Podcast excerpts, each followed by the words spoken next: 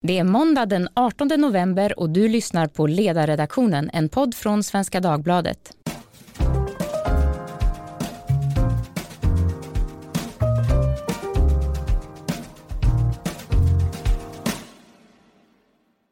Jag heter Maria Ludvigsson och idag ska vi prata om legalisering av narkotika. Sverige har högre dödlighet bland tunga missbrukare än något jämförbart land. Vi har dessutom en narkotikapolitisk historia där förbud och nollvision har varit alenarådande i decennier. Detta till trots har inga större förändringar skett i den politiska inställningen till narkotikabruk. Parallellt med legalisering, framförallt i USA, har frågan kommit att bli debatterad även i Sverige. Senast i söndagens Godmorgon världen i radions B1, där diskuterade panelen för och emot legalisering. I Sverige finns det i huvudsak två argumentationslinjer för att legalisera narkotika. Dels det som ser hur svensk narkotikapolitik har misslyckats och därför vill reformera. Dels det som ser narkotikan som själva grogrunder för den accelererande gängkriminaliteten med mord och skjutningar till följd. Att legalisera narkotika skulle kunna vara ett sätt att dra undan mattan för detta. Nå, för att diskutera detta har jag i studion med mig Magnus Linton, journalist och författare som 2015 gav ut boken Knark, en svensk historia, som behandlar svensk narkotikapolitik från 50-talet och framåt. Välkommen Magnus. Tack. Och på länk från Göteborg, Adam Sveiman, politisk redaktör på Göteborgs-Posten, som var en av panelisterna i gårdagens Godmorgon världen. Välkommen du också. Tack så mycket. Och i studion även Mattias Svensson, ledarskribent i den andra morgontidningen Dagens Nyheter samt författare till en essä i ämnet senast i numret av tidskriften Access. Välkommen du också. Tack så mycket. Först eh, vänder jag mig till dig Magnus. Hur skulle du beskriva svensk narkotikapolitik i ett lite längre perspektiv som du gör i din bok?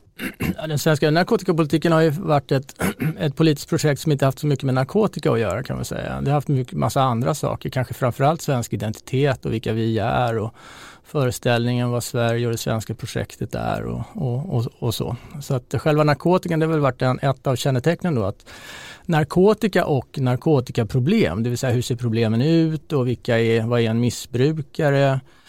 Vad skapar missbruk?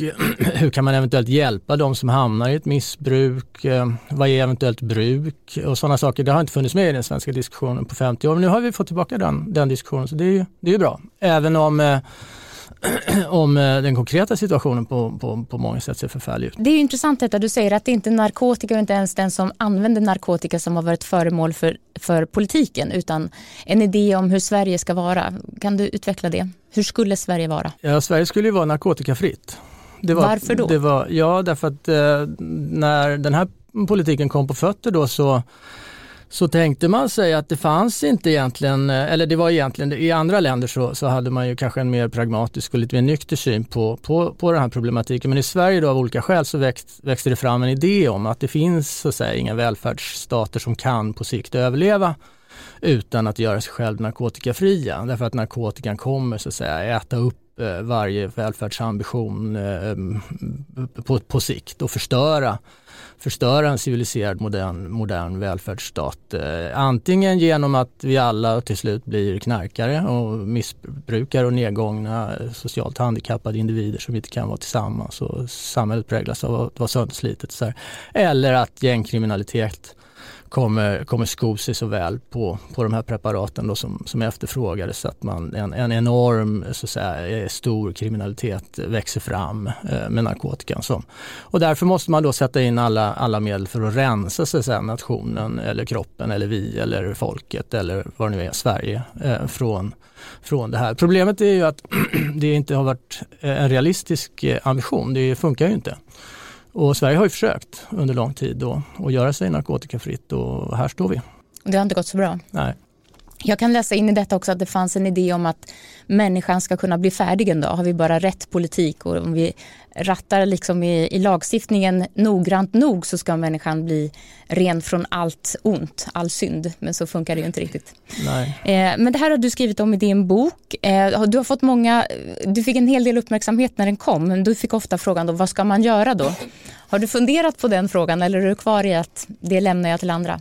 Ja, lite. Jag tycker det är svårt att eh, liksom skriva ut recept på vad man skulle göra. Men det är klart att min ambition har inte varit så här, liksom så så, så borde man göra men däremot har det ju varit eh, en, en upp, ett upplysningsprojekt. Eh, för att kunna göra något vettigt så måste man förstå problemen och det har inte den svenska, svenska politiker är ju totalt eh, inkompetenta egentligen när det gäller vad narkotika är. Bara det vi sitter och pratar om, narko, vad är det liksom? Mm. Narkotika det är allt från liksom cannabis till en massa medicinska preparat till heroin och, och, för att kunna göra någonting åt det där vad gäller de som har problem då, så måste man ju sortera bland preparaten till att börja med och lära sig någonting om det. Man måste så att säga separera preparaten och förstå dess o, o, olika beroendelogik och sådär.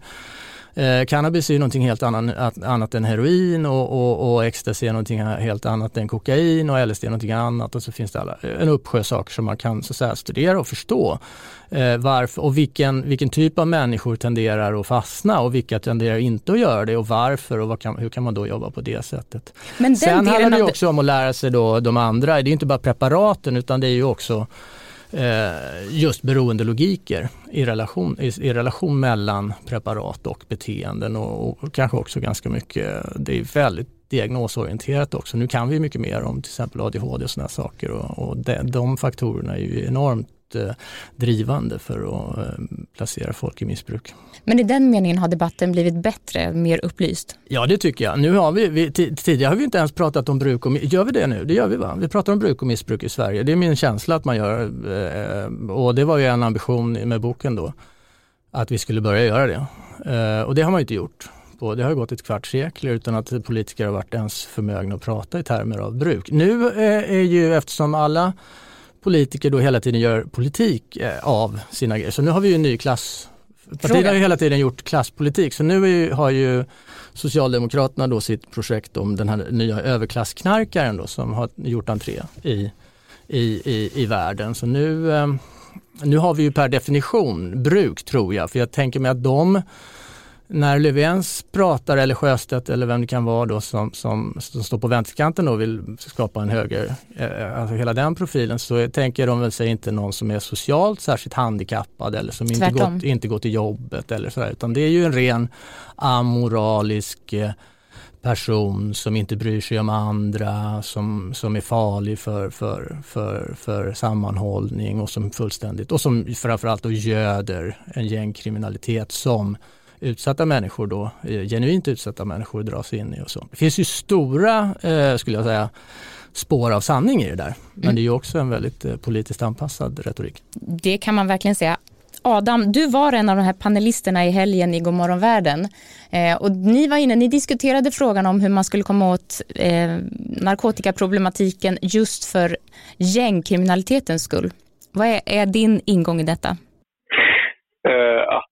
En stor andel av inkomsterna som eh, gängen har i Sverige, liknande situationen i många andra länder, kommer just från narkotikahandeln. Det handlar om väldigt mycket pengar och vilket i sin tur skapar incitament för nya personer som kanske inte ser några andra möjligheter i livet att ge sig in i den verksamheten. I sin tur så gör det ju att insatsen blir väldigt stor rent ekonomiskt, vilket gör att finansieringen av vapen som i sin tur så att säga, mm, fortsätter gängkriget eh, öka sin intensitet. Så att ju mer pengar, ju intensivare blir de här krigen för att det är mycket som står på spel. Och, och, det är ett problem som man bland annat kan tackla från det här perspektivet att man ser vad är det för vara de använder sig av för att finansiera sin verksamhet. Det kan såklart vara något annat som smuggelsprit eller smuggelcigaretter eller någon annan substans eller produkt. Men i Sverige verkar det vara i väldigt stor utsträckning just narkotika och då främst eh, cannabis. Och din idé är då att om man legaliserar detta så drar man undan mattan för just den här typen av brottslighet? Jag tror inte att det är så enkelt så att man bara kan legalisera så löser sig allting. För att den här typen av kriminella nätverk är väldigt flexibla och kan gå över till andra grejer. Men det finns en del som tyder på att om man tar bort en inkomstkälla som är rätt omfattande och som det finns en efterfrågan på Eh, då eh, försvinner i alla fall en del av finansieringen. Det, finns en del eh, studier, bland annat en från Italien där man har gjort en delvis liberalisering av lagarna. Så man har en uppskattning ungefär mellan 90 och 170 miljoner euro har minskat, har så att säga knarkande minskat i omfattning. Det finns liknande studier från delar av USA de visar lite olika saker, men, men det verkar vara entydigt i alla fall att inkomsten minskar för de här knarkkartellerna. Sen är det inte så att exempelvis en legalisering i Kanada, vilket skedde mm. häromåret, påverkar knarkproduktionen i Colombia eftersom den exportmarknaden är kanske del av USA. Och det är inte heller säkert att bara en avkriminalisering leder till, det vill säga avkriminalisering av bruk leder till att man drar undan mattan som du uttrycker det, utan det kan ju vara så att, att det är billigare med eh, svartproducerad så att säga, eh, cannabis. Så att gör sig på rätt sätt så finns det hyggliga förutsättningar att i alla fall minska omfattningen på gängens makt, men det är ingen quick fix. Det ska man inte. Nej, det är nog ingen som tror heller. Men, men, du säger görs det på rätt sätt. Vad menar du vore rätt sätt att göra det på? Ja, exempelvis i USA har man, USA har man olika modeller för det är, det är en delstatsfråga främst. Uh, där har man liksom, exempel från Kalifornien visar att, att licenssystemet inte funkar så bra. Det är rätt få av de som producerar som, som har sökt licens vilket innebär att du fortfarande har en rätt stor grå marknad.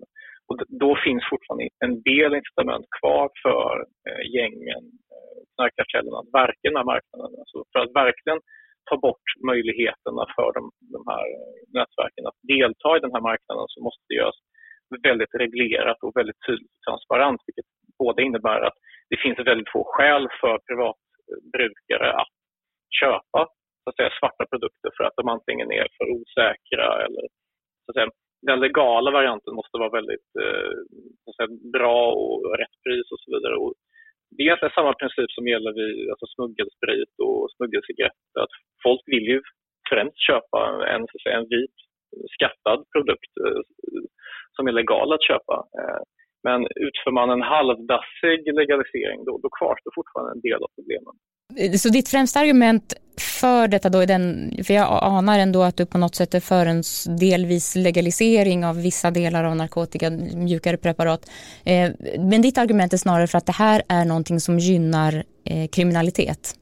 Alltså jag skulle säga att en legalisering, det finns flera fördelar både ur folkhälsoperspektiv, det vill säga att det blir enklare för för missbrukare att få kontakt med vården, det vill säga en sorts harm reduction argumentation. Och den är gällande och den principen är redan lite accepterad i Sverige faktiskt. Ehm, men, men det, det, här står på flera ben, det vill säga att du kan både göra en, en folkhälsoinsats men du kan också göra en insats för att motverka makten som de här kartellerna har. Så jag tror definitivt att en väl utformad legalisering är eh, någonting bra.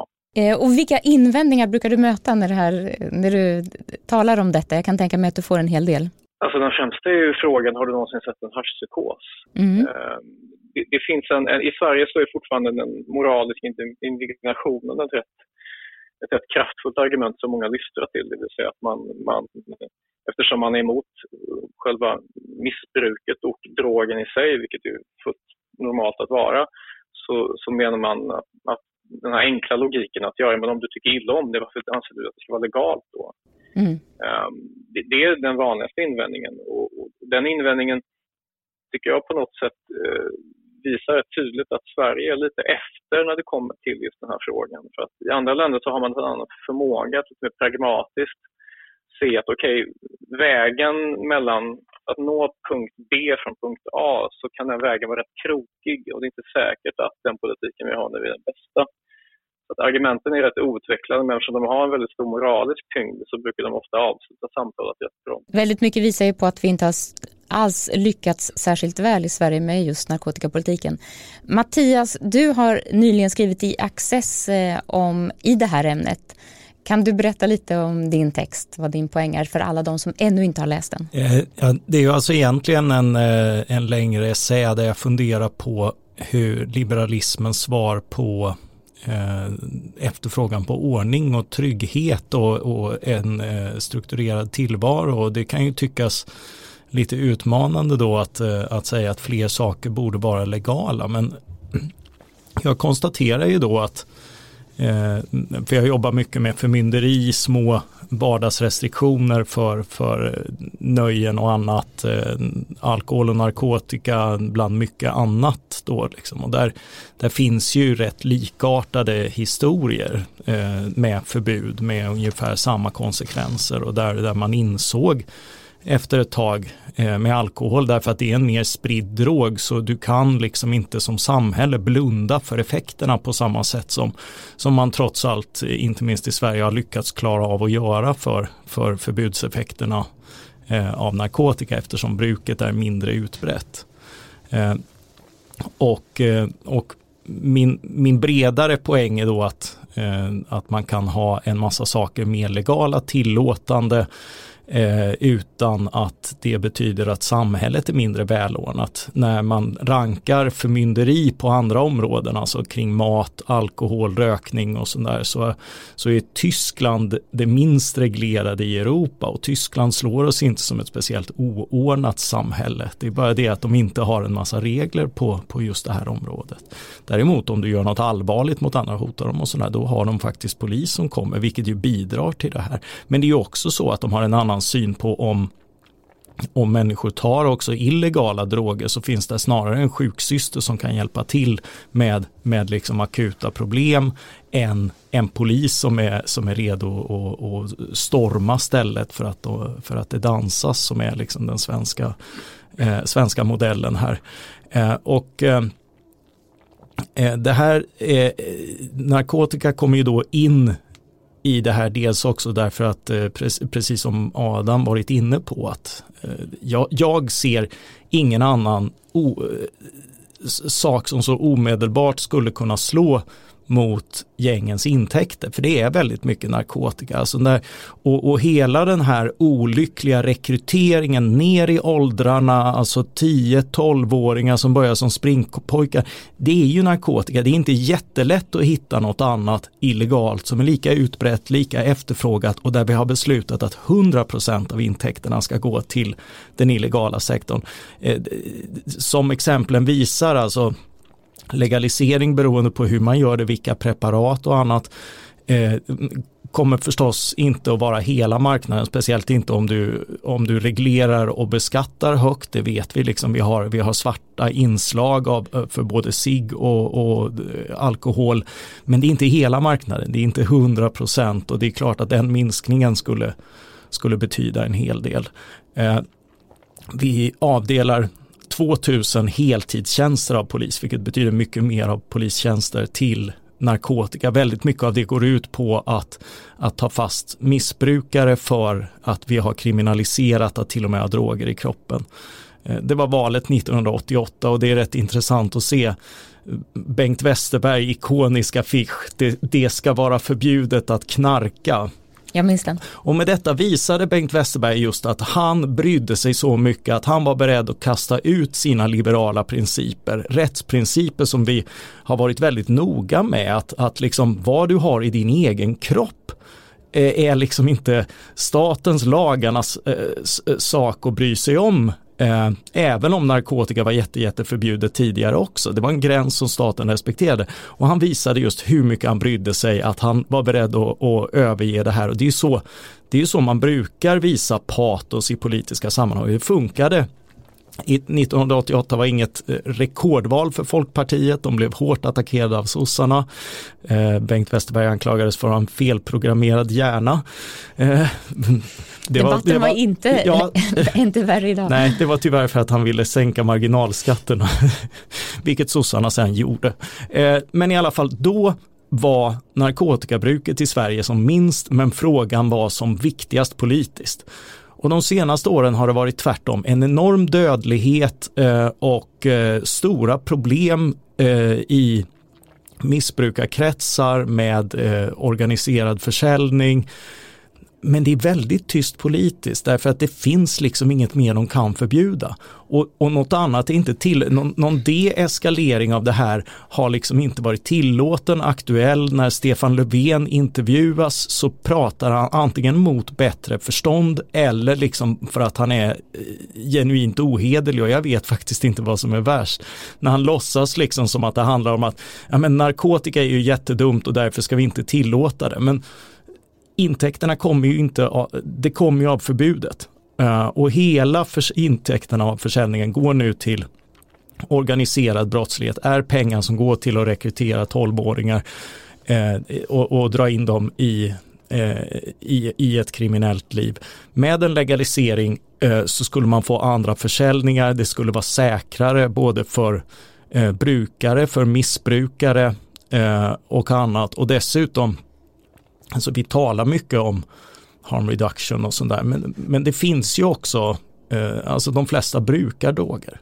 Mm. här som på alla, alla andra områden och och det, vi skulle mycket väl kunna, kunna visa sig att allt vi fick var ett roligare nattliv.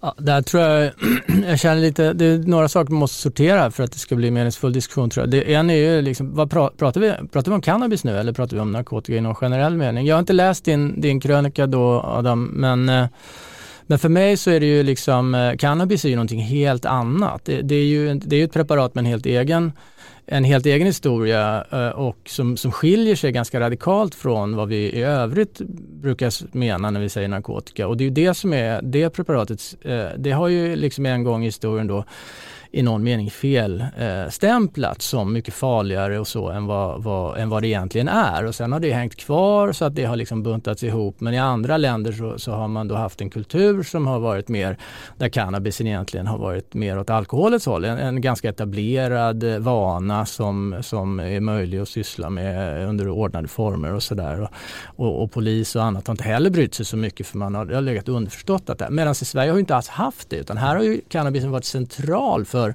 för noll, nolltoleransprojektet. Det var nästan den farligaste av alla droger därför den är förrädisk och den lockar unga människor in. Och så så det, det, det är en sak att man måste skilja på det.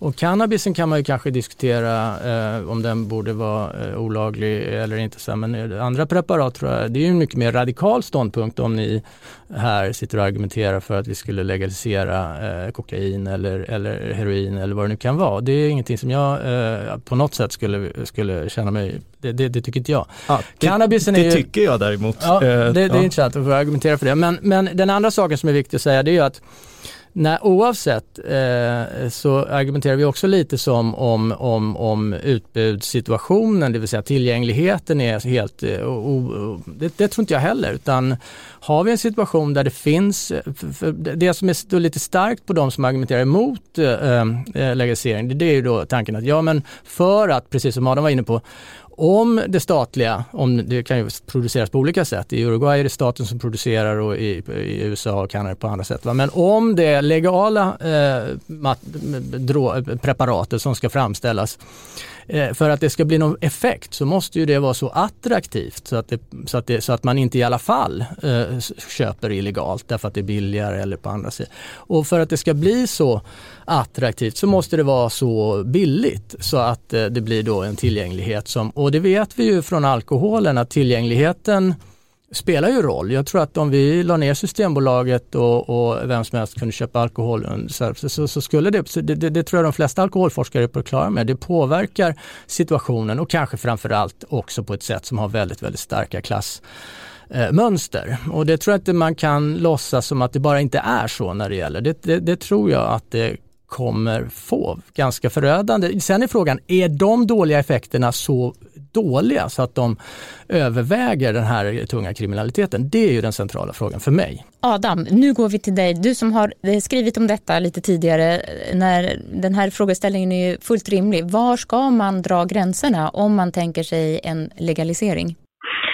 Jag tror först och främst att eh, vi ändå i Sverige på, på sätt och vis på rätt väg, det vill säga den logiska vägen. Med det menas att harm reduction eh, Eh, insatser av typen sprutbytesprogram redan är, eh, börjar etableras. Det var ju Gabriel Wikström som körde över de lokala S-kommunerna i den frågan och sa att nu, nu ska man kunna starta de här. Så att, eh, först tror jag, för att här, den här frågan ska mogna eh, underifrån i Sverige, så att det skapas en medvetenhet om att ibland måste man tillåta någonting för att kunna hantera följdverkningen av det. Så måste man se resultatet i Sverige. Det, det har uppenbarligen inte räckt med att man har tre decennier av empiri från Australien eller Kanada i det här fallet. Men först måste det falla på plats så att säga. Och sen tror jag, bara för att vara tydlig, jag, jag tror att, att den, den narkotika som är mogen att, att hamna inom ramen för avkriminalisering och sedermera då legalisering, det är cannabis, det är inte någon annan drog. Eh, men, men det är också så att, att, i Sverige så är en väldigt stor andel just av knarkkartellerna, som vi kallar dem för det, deras inkomster är just cannabis. Det är, det är den drogen det finns så att säga, störst bred efterfrågan på. Ehm, men jag tror att det måste få ta sin, alltså det måste gå via harm reduction-insatserna. Det är då först man förstår hur det här fungerar. Jag tror att att hoppa in på legalisering, det är ju, det är ju rent, det är ju väldigt långt in i framtiden i en svensk Ja, tack Adam så mycket för att du var med. Vi måste dessvärre avsluta nu eftersom vår tid i studion är över. Tack till er som var med här på plats och tack till dig Adam. Tack också till er som lyssnar och hör av er till ledarsidan svd.se. Hej då!